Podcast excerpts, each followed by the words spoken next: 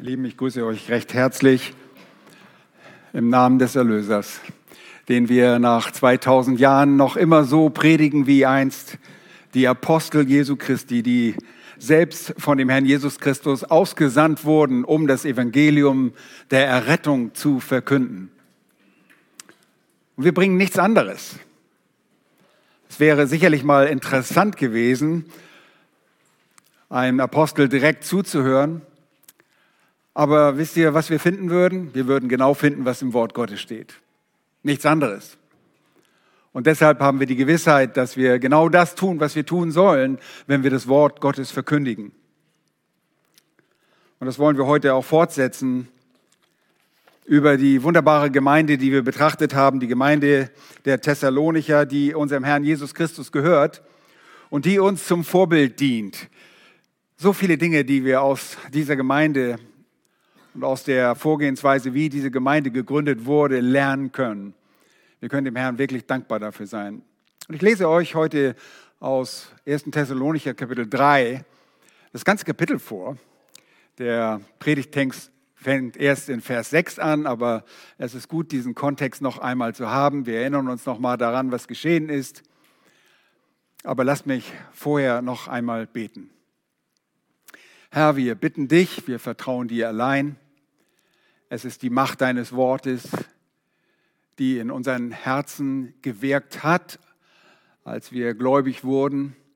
Hast du uns wiedergeboren zu einer lebendigen Hoffnung und diese Hoffnung bist du, denn du lebst. Und diese lebendige Hoffnung wollen wir auch heute weiterhin verkündigen, dich und dein lebendiges Wort, das immer noch wirksam ist unter uns, die wir glauben, so wie es einst wirksam war unter den Thessalonichern, die heute an deiner Seite sind, die heute bei dir sind. Danke dafür, dass du uns diesen Brief gegeben hast, beziehungsweise beide Briefe, die du uns gegeben hast an die Thessalonicher, die uns wirklich sehr viel Aufschluss darüber geben, was dir am Herzen liegt für eine Gemeinde, was auch Aufschluss gibt darüber, wie wir als geistliche Leiter sein sollen. Danke dafür, dass wir in vielerlei Hinsicht Einsichten bekommen, Einsichten, die dazu da sind, dass wir ihnen nacheifern. Gib du dazu gelingen, sprich du heute an diesem Nachmittag zu unseren Herzen, um deines Namens willen. Amen. Ich lese 1. Thessalonicher Kapitel 3.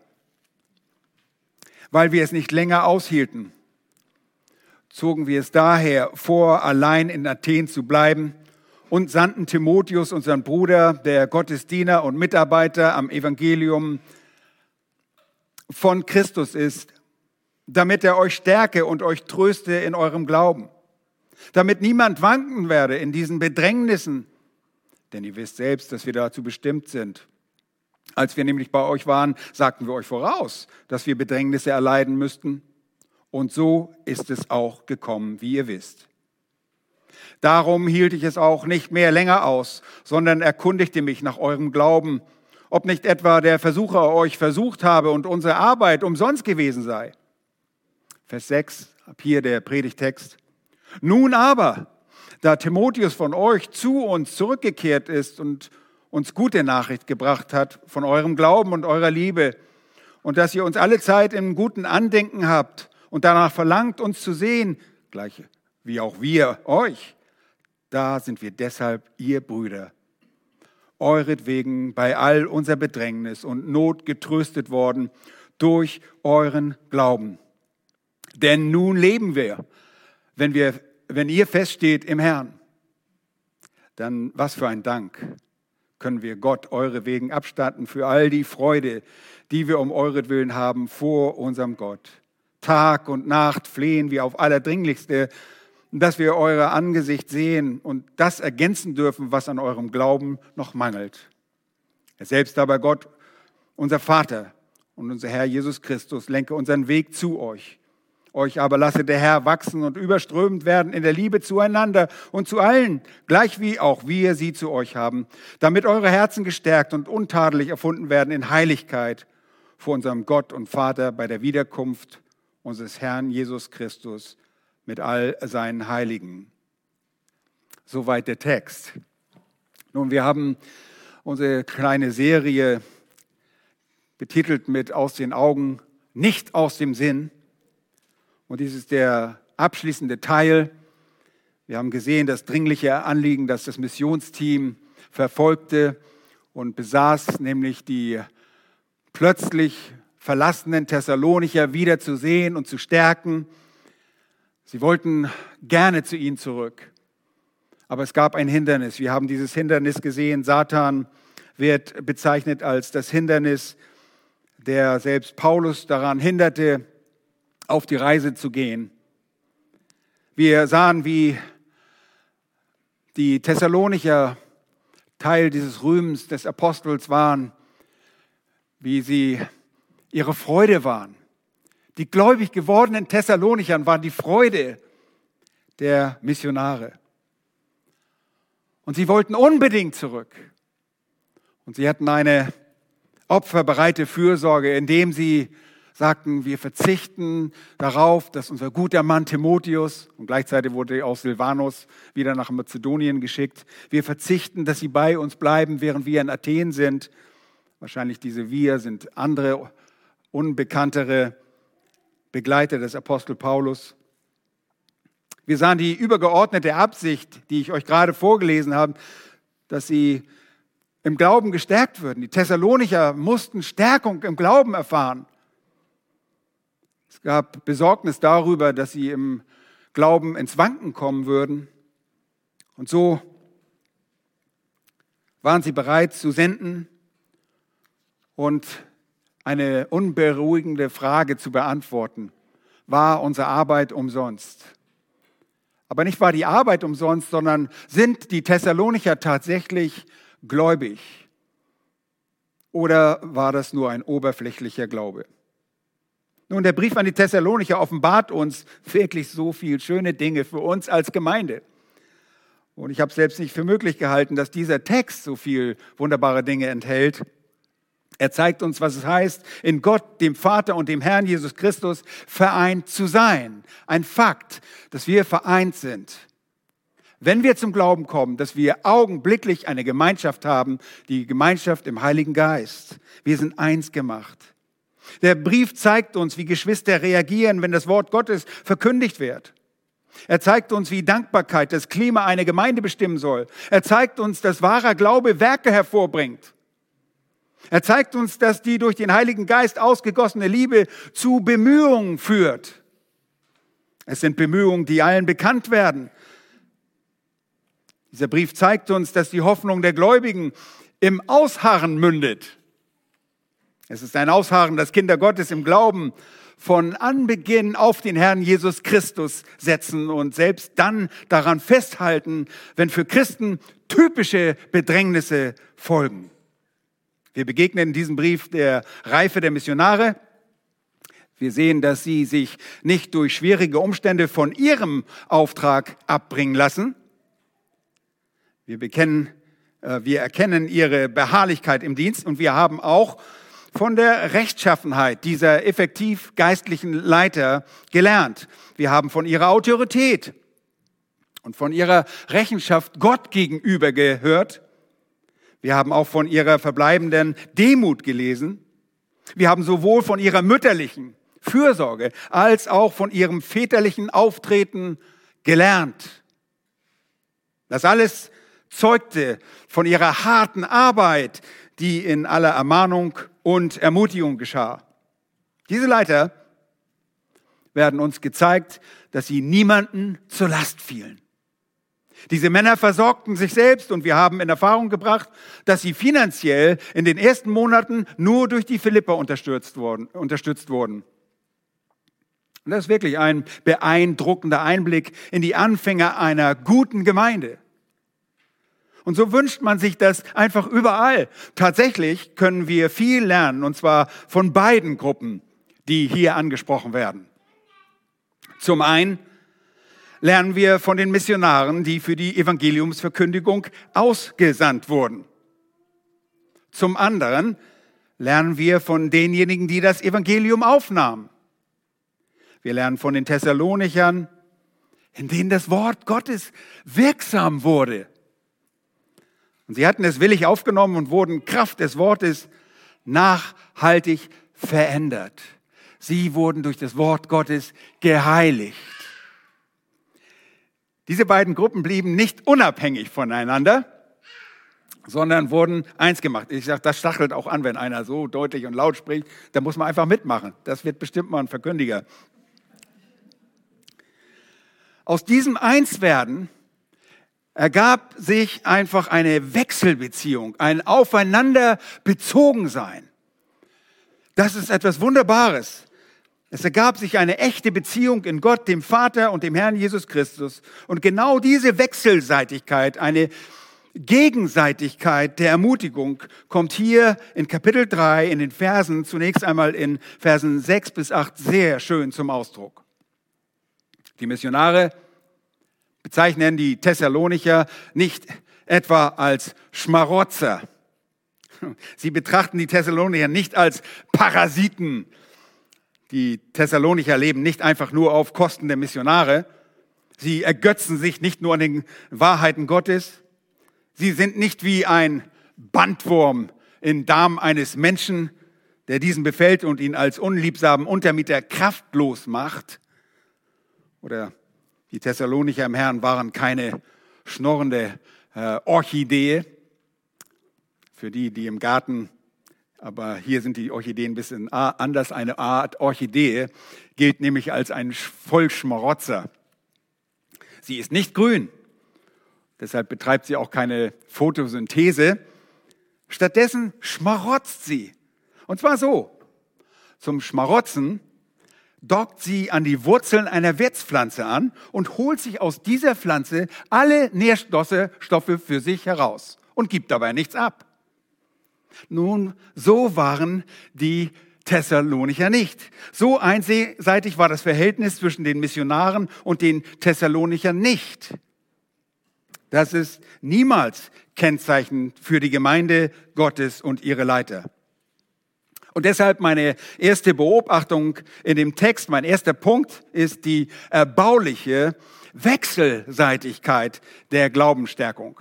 Die erbauliche Wechselseitigkeit oder Gegenseitigkeit der Glaubensstärkung. Und für die Biologen unter euch, man könnte das Ganze auch die Symbiose der Glaubensstärkung nennen. Die Symbiose der Glaubensstärkung. Bitte lest mit mir nochmals die Verse 6 bis 8.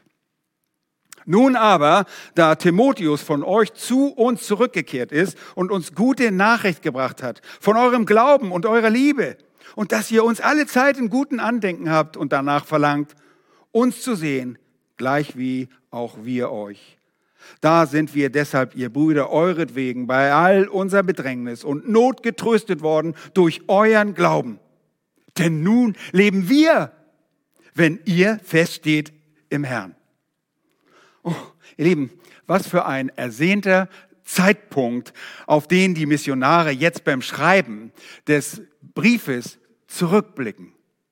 Der gesandte Botschafter, Botschafter Timotheus kam zurück. Der junge Timotheus, der vom Team zu den Thessalonichern gesandt wurde und somit den Apostel Paulus mit seinen übrigen Begleitern in Athen quasi zurückließ, allein zurückließ, ist bereits vor dem Schreiben des Thessalonicher Briefes zurückgekommen.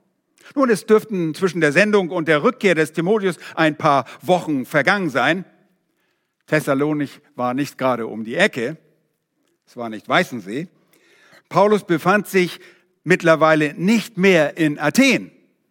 Der Herr führte Paulus weiter in das westlich gelegenere Korinth und ein zweitägiger strammer Fußmarsch von Athen aus und man käme in die Stadt Korinth. Es ist die große Stadt, in der der Herr einen reichen Ertrag, eine große Ernte von bekehrten Menschen schenken sollte. Es ist die Ernte aus einer Stadt, die in der Antike für ihre Unmoral berühmt wurde. Dort war Paulus nun angekommen und er widmete sich dem Dienst am Evangelium. Was, was tut er sonst? Nun, er machte nebenbei noch Zelte, aber er diente primär am Evangelium.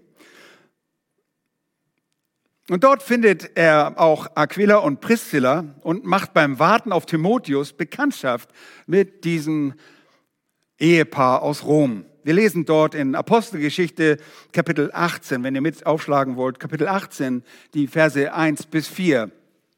Folgendes. Apostelgeschichte 18, die Verse 1 bis 4. Da heißt es, danach aber verließ Paulus Athen also der Ort, von dem er Timotheus wieder zu den Thessalonichern geschickt hatte. Und er kam nach Korinth und dort fand er einen Juden namens Aquila aus Pontus gebürtig, der vor kurzem mit seiner Frau Priscilla aus Italien gekommen war, weil Claudius befohlen hatte, dass alle Juden Rom verlassen sollten.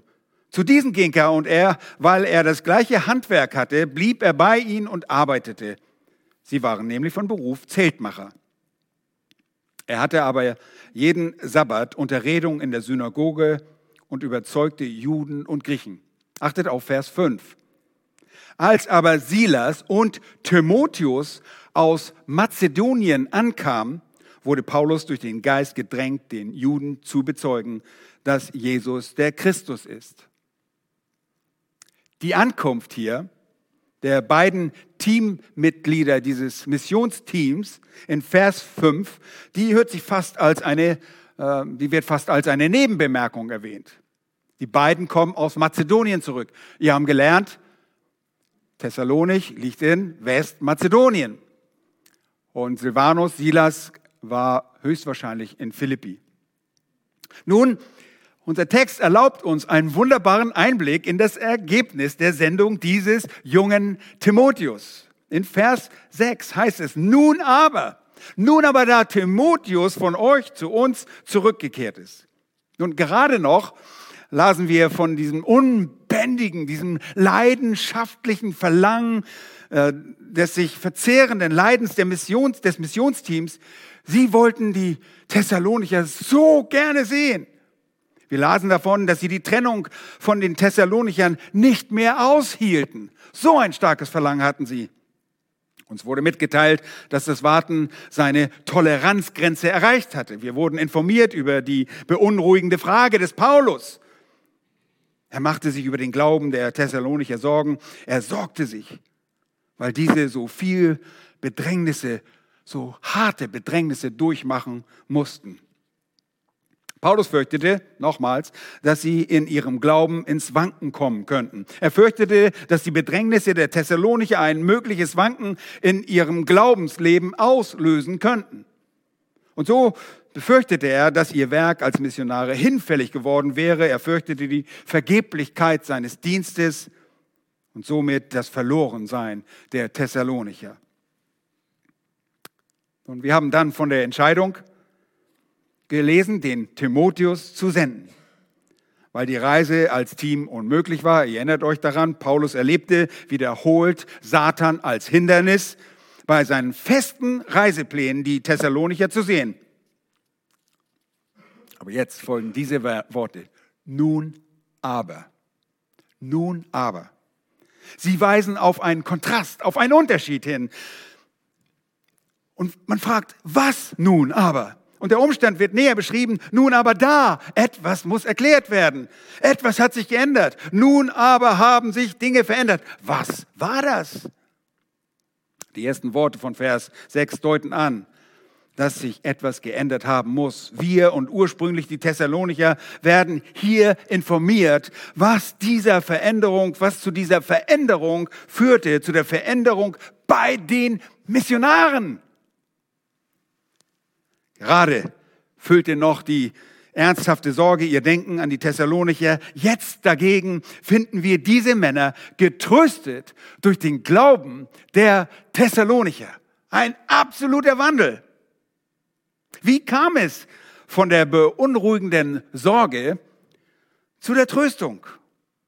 Nun, das zeigen zunächst einmal Vers 6 und 7 auf. Ganz deutlich. Nun aber, da Timotheus von euch zurückgekehrt ist und uns was gebracht hat? Gute Nachricht von eurem Glauben und eurer Liebe. Der Vorgang, der zur freudigen Veränderung führte, wird hier genau beschrieben. Timotheus brachte gute Nachricht. Wörtlich steht da, Timotheus evangelisierte uns. Oh, ganz recht. Timotheus evangelisierte Paulus und seine Begleiter. Ha, ganz recht. Er brachte ihnen gute Nachricht. Er evangelisierte die Missionare über den Glauben und die Liebe der Thessalonicher. Nun, evangelisieren war zu dem Zeitpunkt noch kein feststehender Begriff, kein Terminus technicus. Ähm, er war noch nicht ein Fachwort für die Verkündigung der frohen Botschaft von Jesus Christus. Evangelizo bedeutet einfach die gute Nachricht verkündigen. Bald wird Markus Müller uns evangelisieren über die gute Nachricht, dass ein Nachwuchs, ein Mädchen oder Junge, hm, wer weiß, wir werden es rausfinden, diese Predigt werden wir eines Tages hören von diesem Mann. Und diese Nachricht des Timotheus für die Missionare bestand darin, dass die Thessalonicher im Glauben und in der Liebe feststanden. Sie waren fest. Und die Sorge der Missionare, erinnert euch, war, was ist nur mit ihrem Glauben? Nun, weil Timotheus das übermittelt, weil er das übermitteln konnte, schreiben diese Männer den Brief und zwar schreiben sie gleich zu Beginn in dem Brief, wir danken Gott alle, zu, alle Zeit für euch alle. Wenn wir euch erwähnen in unseren Gebeten, indem wir unablässig gedenken an euer Werk im Glauben, eure Bemühung in der Liebe und euer standhaftes Ausharren in der Hoffnung auf unseren Herrn Jesus Christus vor unserem Gott und Vater. Seht ihr, die Thessalonicher erwiesen sich bereits während des Aufenthaltes der Missionare in Thessalonik als tätig im Glauben. Sie brachten Glaubenswerke hervor, von denen auch Timotheus jetzt genauso Zeugnis ablegen konnte, weil er sie besuchte. Sie bemühten sich aufgrund der ihnen gegebenen Liebe. Und wir erinnern uns, wer zum Glauben kommt, der hat die Liebe Gottes ausgegossen in dem Herzen. Und die Wahrhaftigkeit des Glaubens und der Liebe wurden so einmal mehr bestätigt. Und so waren die Thessalonicher offensichtlich noch immer im Glauben und in der Liebe und daraus ergab sich, dass sie standhaft in der Hoffnung auf den Herrn Jesus Christus ausharrten. Vorher kann man nicht von ausharren. ausharren braucht Zeit. Und dieses Ausharren wird jetzt erst offenbar. Und deshalb konnten sie das auch zu Beginn des Briefes so schreiben. Alles, was zuvor geschrieben, äh, zuvor geschrieben wurde in Kapitel 1 und 2, basiert auch auf der Rückkehr des Timotheus. Die Hoffnung der Herrlichkeit war und blieb in der Herr Jesus Christus allein. Ihr Glaube und die Liebe hatten deutliche Früchte echten Glaubens. Werke und Bemühungen hervorgebracht und ermauert durch das Ausharren in ihren schweren Bedrängnissen. Oh, die Missionare konnten sich jetzt der Rettung dieser Thessalonicher so viel sicherer sein. Und die gute Nachricht hatte weitere Bestandteile. Ja, da war die Tatsache, dass die Thessalonicher im Glauben feststanden. Ihre Liebe war nicht erloschen, aber da gab es noch mehr als das fest im Glauben und der Liebe. Und weiter heißt es, und im Text steht, und dass ihr uns alle Zeit in guten Andenken habt und danach verlangt, uns zu sehen, gleich wie auch wir euch. Was für eine freudige Nachricht. Die Thessalonicher hatten Paulus, Silvanus und Timotheus nicht vergessen. Sie waren nicht aus dem Sinn. Sie waren wohl aus den Augen, aber nicht aus dem Sinn. Sie hatten sie immer noch und beständig in guten Andenken, heißt es hier. Sie haben nicht gedacht, ach, die, diese Feiglinge sind einfach abgehauen. Nein, sie hatten gutes Andenken. Sie hatten sogar, genau wie die Missionare nach ihnen, Verlangen. Sie hatten Verlangen, ihre geistlichen Vorbilder und Leiter zu sehen. Sie wollten sie auch wiedersehen. Und das ist so schön. Und das entspannte die geistliche Anspannung des Missionsteams, das sich zuvor vor Sorgen verzehrte. Denn stellt euch vor, Stellt ihr vor, ihr liebt jemanden und diese Person lebt in der Ferne, weit von euch getrennt und du sehnst dich nach, danach, diese Person leibhaftig zu sehen. Das ist nun mal bei Liebe so. Man möchte nicht nur irgendwie so ein Stück Papier in der Hand haben und sagen, oh, ich liebe dich, man möchte ja noch ein bisschen mehr. Durch einen Brief und eine bekannte Person erfährst du nun aber, dass diese Person dich nicht liebt und überhaupt nicht an dich denkt. Diese Sehnsucht ist nur einseitig. Dein von dir geliebtes Gegenüber hat das Interesse von dir an dir verloren und denkt nicht mal an dich. Nun, das Gegenteil traf auf die Thessalonicher zu. Auch sie unterstreichen das Motto aus den Augen, nicht aus dem Sinn. Sie hatten die Missionare in guten Andenken. Sie besaßen ein genauso großes Verlangen, diese Männer zu sehen, wie die Missionare nach den Thessalonichern sich äh, verzehrten und verlangten. Die Thessalonicher wollten die Missionare gern wieder bei sich haben. Ihre Beziehung zueinander war nicht durch die räumliche Trennung erloschen. Oh, wie wunderschön ist doch diese Wechselseitigkeit, diese Gegenseitigkeit der Glaubensstärkung dieser Geschwister. Und ihr Lieben, so funktioniert auch der Leib Jesu Christi. Hier waren von Gott gesandte Missionare, die sich dazu danach verzehrten, ihre geistlichen Kinder im Herrn zu stärken und zu trösten. Sie wollten das tun, die Missionare wollten stärken. Und sie wollten sie sehen. Und was erleben sie, Vers 7? Da sind wir deshalb, ihr Brüder, euretwegen, bei all unser Bedrängnis und Not getröstet worden durch euren Glauben. Das Überbringen der guten Nachricht bewirkte jetzt in umgekehrter Weise eine Glaubensstärkung für die Missionare. Ziel war ja eigentlich der Missionare, die Thessalonicher zu stärken. Jetzt werden die Missionare gestärkt. Sie wurden in ihren Bedrängnissen, in der Sorge für die Gläubigen und nun auch in äh, den Problemen, die sie in Korinth erlebten, nachhaltig getröstet. Und das stellte eine wunderbare Ermutigung dar und erinnert mich einfach an diese Wahrheit aus dem dritten Johannes in Vers 4. Diesen Vers, der das so schön ausdrückt. Ich habe keine größere Freude, sagt der Apostel Johannes, als die zu hören, dass meine Kinder in der Wahrheit wandeln. Aber Lieben, in der Wahrheit zu wandeln, ist auf dem richtigen Weg zu wandeln, dem Herrn nachzufolgen, ihm zu gehorchen. Und Eltern verstehen das sehr gut. Geistliche Leiter verstehen das auch sehr gut. Es bedeutet, dass junge Gläubige im Glauben vorangehen, unerschüttert am Glauben und in der Liebe festhalten.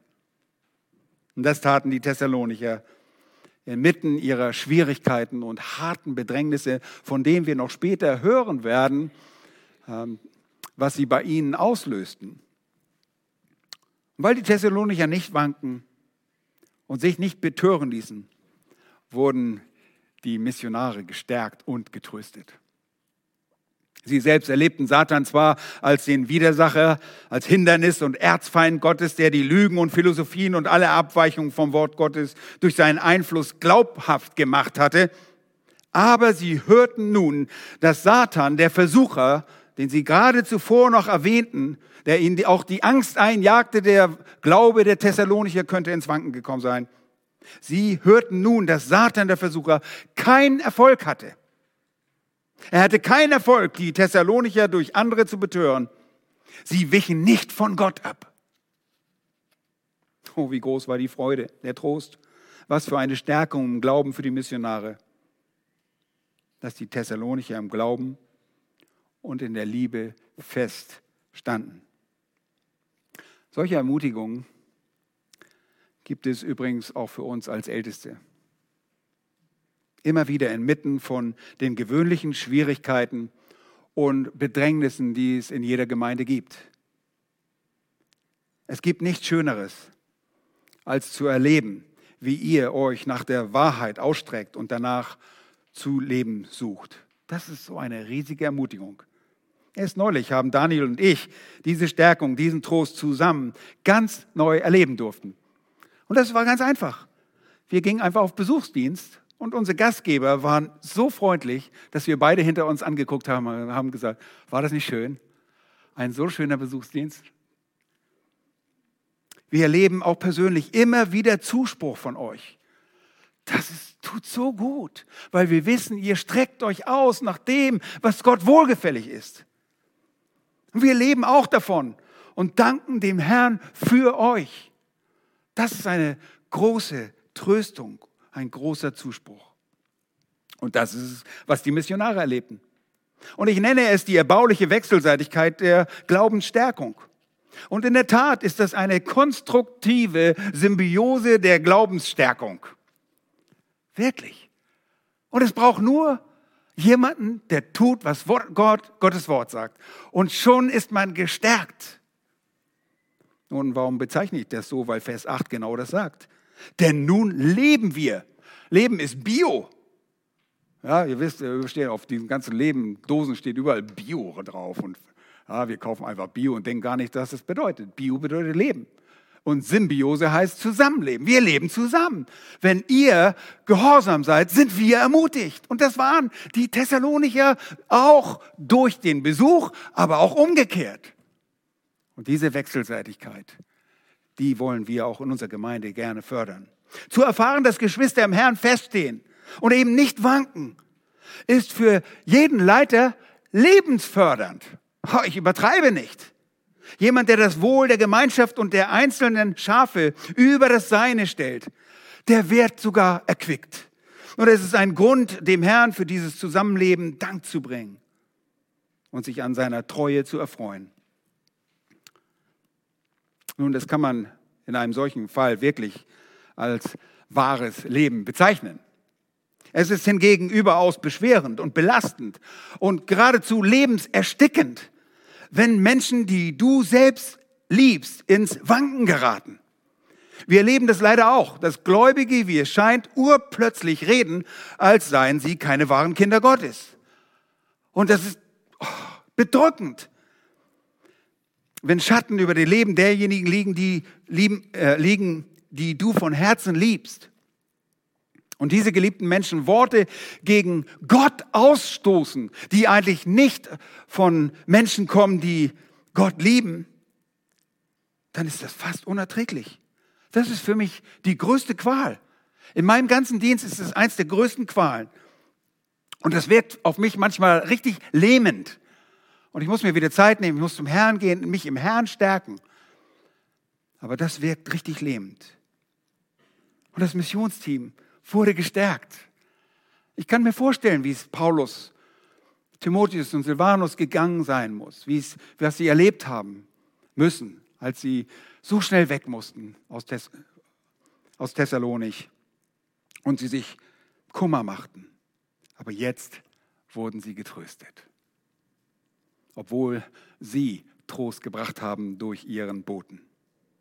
Ihr Lieben, trotz der guten Nachricht war für die Missionare die Angelegenheit Thessalonik nicht abgeschlossen.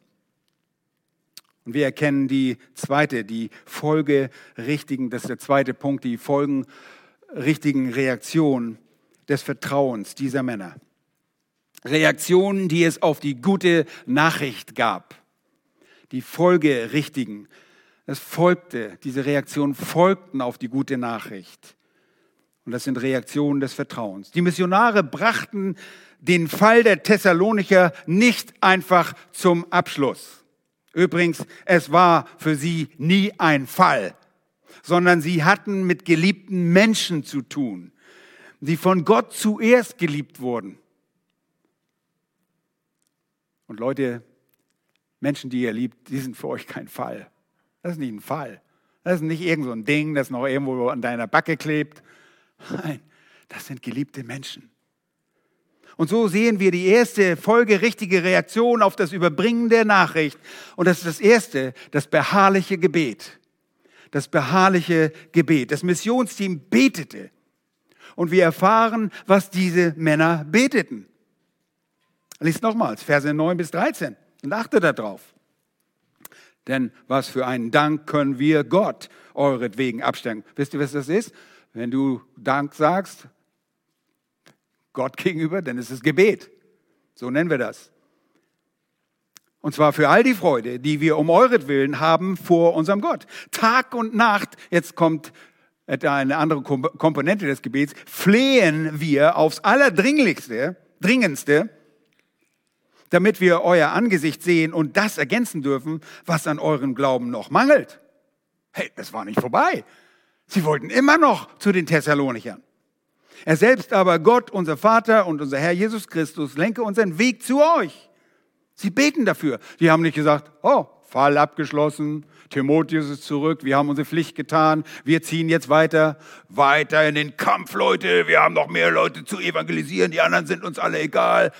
Nein, Vers 12, euch aber lasse der Herr wachsen und überströmen während in der Liebe, die Liebe, die sie schon hatten, aber Liebe zueinander und zu allen, gleich wie auch wir sie zu euch haben, damit er eure Herzen stärke und sie untadelig sein in Heiligkeit vor unserem Gott und Vater bei der Wiederkunft unseres Herrn Jesus Christus mit all seinen Heiligen.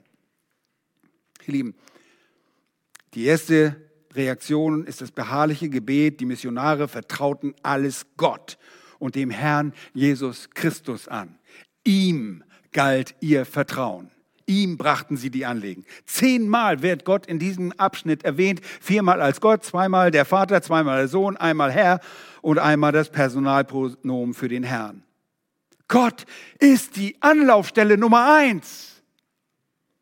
Und dort brachten sie seinen Dank und alle Gebete vor. Ihm gegenüber bringen sie Dank zum Ausdruck. Ihm bringen sie die Anliegen, die für sie weiterhin relevant blieben. Und sie taten das im Hinblick auf das Kommen unseres Herrn Jesus Christus. Sie wollten die vollständige Heiligung der Thessalonicher. Sie wollten die vollständige Zurüstung, die Makellosigkeit. Was wir heute schon im Vorprogramm gehört haben. Wir wollen vollkommen sein. Wir wollen heilig sein, wie unser Gott heilig ist. Und wir wollen seiner Gerechtigkeit nachjagen, dieser praktischen Gerechtigkeit, damit wir ihm Ehre bringen. Und die Missionare hatten die Worte des Paulus aus Philippa 4 schon zu diesem Zeitpunkt verinnerlicht. Philippa 4 wird zehn Jahre später geschrieben. Aber da sagt er, und das ist der Vers für diese Woche, sorgt euch nicht um nichts, sondern in allem lasst durch Gebet und Flehen mit Danksagen eure Anliegen vor Gott kund werden. Philippa 4, 6. Sie erlebten Freude. Und sie danken dem Herrn dafür. Mann, wie oft vergessen wir, dem Herrn Danke zu sagen für eure Freude. Sie flehten in dem Bewusstsein, dass es weiterhin Gefahren für die Thessalonicher gab. Gefahren, die sich aufgrund bestimmter Glaubenslücken ergaben. Der Glaube der Thessalonicher war nicht fertig. Er war noch nicht voll ausgeprägt. Sie brauchten noch gewisse Informationen. Sie brauchten noch Unterweisung. Wie gesagt, davon werden wir später noch hören, was im Einzelnen besonders nötig war. Nun, das sollte unser Vorbild sein. Auf alles, was wir hören aus der Gemeinde, ist eine folgerichtige Reaktion immer das beharrliche Gebet füreinander. Die zweite folgerichtige Reaktion des Vertrauens war, dass sie die Anliegen der Thessalonicher nicht aus ihren Augen verloren. Sie wussten, es bestehen noch Anliegen. Und das ist der Punkt B des beibehaltene Anliegen. Die Missionare befielen ihre Wege dem Herrn an, dem Vater und dem Sohn, und sie beteten für ihre eigene Wegführung, wohin, dass er zu den Thessalonichern führen möge. Wir lesen Vers 10 nochmals, Tag und Nacht flehen wir Merkt ihr, dass es beharrliches Gebet ist? Tag und Nacht, ständig. Und zwar auf allerdringendste. Warum? Finalsatz, damit wir euer Angesicht sehen. Und hört mal zu. Und das ergänzen dürfen, was an eurem Glauben noch mangelt. Oh, das ist ein wichtiges Anliegen, oder? Dieses Anliegen blieb bestehen. Sie hatten zwar Timotheus gesandt, aber Timotheus war noch nicht der fertige Redner, der fertige Lehrer. Das sollte er eines Tages werden, wenn Paulus den Staffelstab an seinen jungen Gefährten übergeben würde. Aber er war so weit, dass er ihn zum Trost und zur Stärkung senden konnte. Es gab noch Mangel. Sie vertrauten darauf, dass Gott ihr Flehen zur rechten Zeit und zu seiner Zeit erhören sollte und so mit den Thessalonichern vereinen würde. Sie vertrauten darauf, dass der Mangel im Glauben durch Lehrergänzung beseitigt werden könne. Ganz recht, durch Lehrergänzung. Nun, wann sollte das Wiedersehen geschehen? Es vergingen ein paar Jahre bis zu diesem Ereignis des Wiedersehens. Erst auf der dritten Missionsreise lesen wir von der nächsten Begegnung. Und gemäß meiner Berechnung müssen das circa vier Jahre gewesen sein, die vergangen sind, bevor dort jemand von diesem Team auftauchte.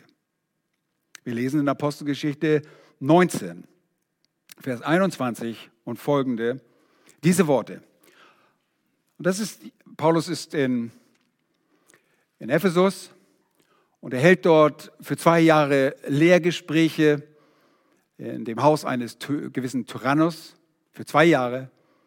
Und diese Zeit ist jetzt abgelaufen. Und nachdem aber diese Dinge ausgerichtet waren in Thessalonich, nahm sich Paulus im Geist vor, zuerst durch Mazedonien und Achaia zu ziehen und dann nach Jerusalem zu reisen, indem er sprach, wenn ich dort gewesen bin, muss ich auch nach Rom sehen.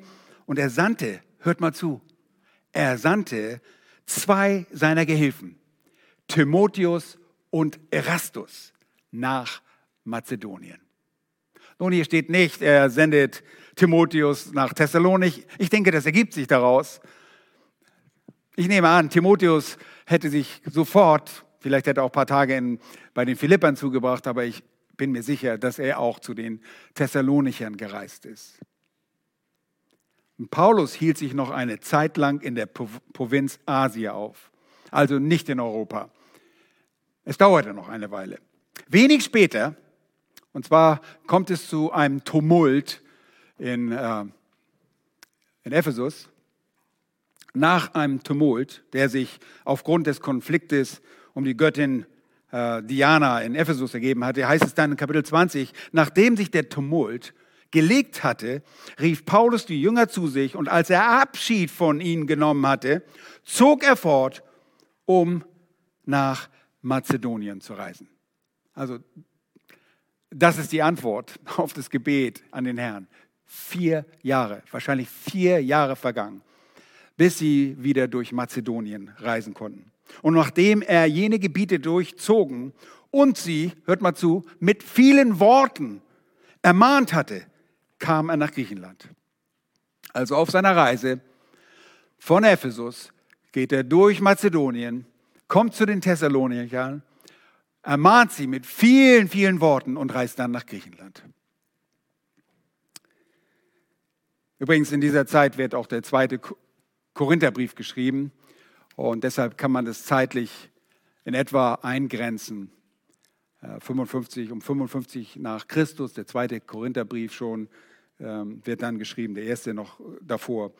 Also Gott hatte es also so vorgesehen, dass das Wiedersehen sich noch für ein paar Jahre verzögern sollte. Und man denkt, ha, die haben doch eine riesige Not. Aber ihr Lieben, Folge richtige Reaktion. Nummer drei.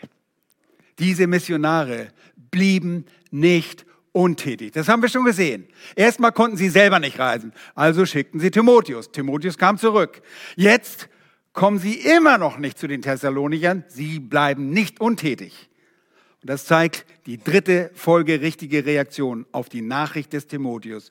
Und es ist das herzliche Schreiben. Das herzliche Schreiben des Thessalonicher Briefes selbst. Die Rückkehr des Timotheus und auch des Silvanus aus Mazedonien gab dem Missionsteam Anlass, den Thessalonicher Brief zu schreiben. Und das Schreiben ist eine folgerichtige Reaktion und eine folgewichtige Reaktion des Vertrauens, dass Gott durch sein hinlängliches Wort zunächst für die Thessalonicher genug sein würde. Wisst ihr, das Wort Gottes sollte ausreichen. Der Brief war nicht ein menschliches Zureden Ja, wie wir manchmal Leuten Mut machen. Oh, ja, ist nicht so schlimm und wird schon wieder besser. Nein, nein, nein. Der Brief ist Gottes Wort. Die Missionare beenden nicht die Beziehung, weil sie weiterreisen mussten. Sie machen sich die Mühe, einmal, ja sogar noch ein weiteres Mal zu schreiben. Denn das Zusammentreffen, wie wir gerade gelesen haben, sollte noch auf sich warten lassen. Aber Gott, Gott treibt diese Männer an, diese wunderbaren Briefe, diese heiligen Briefe zu schreiben. Er treibt Männer an und macht aus den Worten heiliger Männer dieses Wort Gottes. Nun, das können wir nicht. Das können wir auch nicht nacheifern, aber es lehrt uns Folgendes. Das Wort Gottes ist hinlänglich genug. All was zuvor in Kapitel 1 und 2 und was danach kommt, wurde und was noch kommt, ist geprägt durch die freudige Nachricht, die von Timotheus übermittelt wird und durch das Wirken von Gottes Geist. Und die Allgenugsamkeit des Wortes Gottes wird hier sehr deutlich. Die wahre Abhängigkeit, die Gläubige brauchen, ist die Abhängigkeit von Gott. Es sind nicht die hochgelobten Beziehungen, die höchste Priorität haben, obwohl sie die jetzt auch hatten untereinander, denn sie wurden eins gemacht. Die Thessalonicher hatten ihre Beziehung zueinander. Es ist vielmehr die Beziehung zu Gott, seinem Sohn und seinem Wort. Und als Älteste der Gemeinde haben wir nur begrenzte Möglichkeiten und können nicht mit allen von euch in engen Beziehungen stehen. Das ist uns unmöglich. Die richtige Beziehung der Glieder zueinander, die ist bereits gegeben. Aber in kuscheligen Zweierschaften mit allen von euch, wie sich das manche unrealistischerweise vorstellen, können wir nicht stehen. Das geht nicht. Das hat nicht mal Jesus getan. Jesus hatte drei Leute um sich, drei engere Jünger in einen engeren Kreis. wisst ihr was? Aber wir haben das mächtige Wort Gottes. Beziehung ist nicht Macht. Das Wort Gottes, Gott selbst ist Macht. Wisst ihr, ich habe hier geschrieben, es ist nicht die Macht der Beziehung, nicht die Hebammenarbeit eines Leiters, die euch verändert. Ehre sei Gott. Er sorgt für Wachstum in der Gemeinschaft seiner Gemeinde durch das gemeinsame Hören auf sein mächtiges Wort in der Predigt, durch gemeinschaftliches Singen und ein Nichtverlassen der Versammlung sowie ein konsequentes Nachfolgen, Gehorsam und das eigene Lesen seines Wortes. Darauf würden nun auch die Thessalonicher stoßen und erleben, wie sich unter den eigenen Leuten auch Lehrer herauskristallisieren sollten, wie Gott sein Wort unter ihnen wirksam werden ließ. Oh ja, sicherlich haben sie immer noch Verlangen nach den Missionaren gehabt, aber sie hatten jetzt dieses Wort, das Wort Gottes, das wir heute auch noch haben. Wir brauchen auch nur dieses Wort. Aus den Augen, aus dem Sinn? Nein. Aus den Augen und nicht aus dem Sinn. So zeigt es uns der Text. Weder bei den Missionaren noch bei den gläubigen Thessalonichern war das der Fall. Und schon gar nicht kann dieses Motto auf Gott angewandt werden, der dich erstens nie aus den Augen lässt, dir immer nahe ist und zweitens dich, sein Kind, gewiss niemals vergisst. Lass uns beten. Herr, wir sind dir so dankbar dafür, dass du uns dein mächtiges Wort gegeben hast, unfehlbar. Dein Wort ehrt sich in keiner Aussage. Es ist mächtig und wirksam in uns. Es offenbart uns die Tiefen unserer Herzen, unsere eigenen Einstellungen. Es zeigt das, was wir selbst nicht ans Licht zu bringen vermögen. Danke dafür, dass dein Wort uns auch verändert. Das was wir nicht selbst vermögen. Unsere eigene Veränderung, unsere eigene Heiligung. Nur du kannst uns heiligen.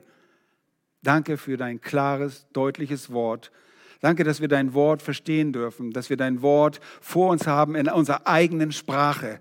Wir geben dir die Ehre. Danke, dass das die Missionare so deutlich zum Ausdruck gebracht haben und dass du die Umstände auch so gelenkt hast, dass wir erkennen durften, dass es nicht in allererster Linie um die Beziehung geht, sondern um dein Wort. Wir preisen dich. Wir beten dich an. Herr, und wir beten für solche, die dein Wort vernachlässigen, Herr, die dein Wort nicht lesen. Herr, strauchelnde Geschwister. Geschwister, die dich kennen, aber die vielleicht sich haben betören lassen.